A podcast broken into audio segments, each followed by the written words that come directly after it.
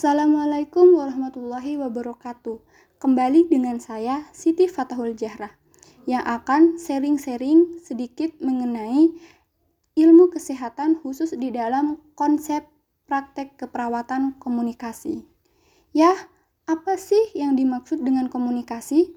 Jadi, komunikasi merupakan proses yang sangat khusus dan berarti dalam hubungan antar manusia pada profesi keperawatan, komunikasi menjadi lebih bermakna karena merupakan metode utama dalam mengimplementasikan proses keperawatan. Untuk itu, perawat memerlukan kemampuan khusus dan kepedulian sosial yang mencakup keterampilan intelektual, teknikal, dan interpersonal yang tercermin dalam perilaku sharing atau kasih sayang dalam berkomunikasi dengan orang lain. Komunikasi mempunyai tujuan, yaitu pertama, supaya pesan yang disampaikan komunikator dapat dimengerti oleh komunikan. Kedua, memahami orang lain. Ketiga, supaya gagasan dapat diterima orang lain. Keempat, menggerakkan orang lain untuk melakukan sesuatu. Jenis-jenis komunikasi ada dua, yaitu komunikasi verbal dan komunikasi nonverbal. Komunikasi nonverbal yaitu jenis komunikasi yang paling lazim digunakan dalam pelayanan keperawatan di rumah sakit adalah pertukaran informasi secara verbal, terutama pembicaraan dengan tatap muka. Komunikasi verbal yang efektif yaitu jelas dan ringkas, perbendaharaan kata, arti denotatif dan konotatif, selaan dan kesempatan berbicara, waktu, dan relevansi atau humor.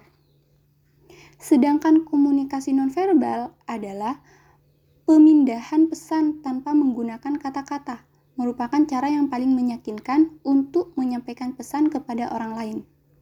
Komunikasi nonverbal teramati pada satu penampilan personal, dua ekspresi wajah, tiga sikap tubuh dan cara berjalan, 4. Sentuhan 5. Isyarat atau gerak tangan 6. Pandangan Menurut Porter dan Perry tahun 1993, tingkatan komunikasi terjadi pada tiga tingkatan, yaitu 1.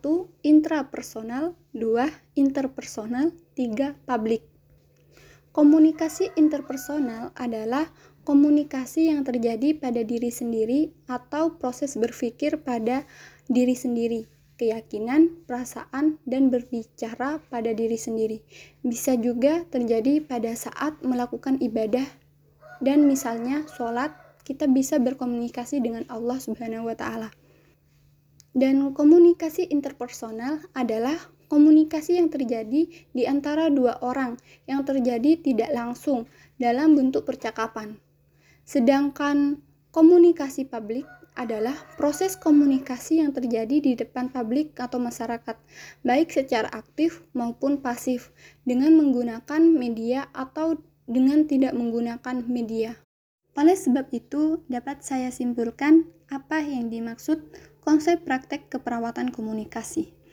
Konsep praktek keperawatan komunikasi yaitu yang diinginkan oleh seorang pasien terhadap perawat adalah empati, kepekaan, pengalaman, atau keterampilan, dan percaya diri seorang perawat untuk bisa memberikan semangat dan membangkitkan rasa percaya diri seorang pasien.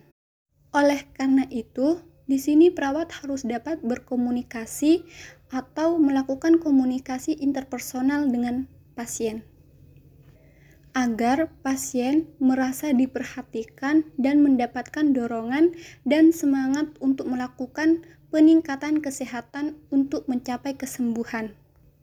Oke, terima kasih. Apabila ada kurang lebih dalam menyampaikan materi, mohon maaf.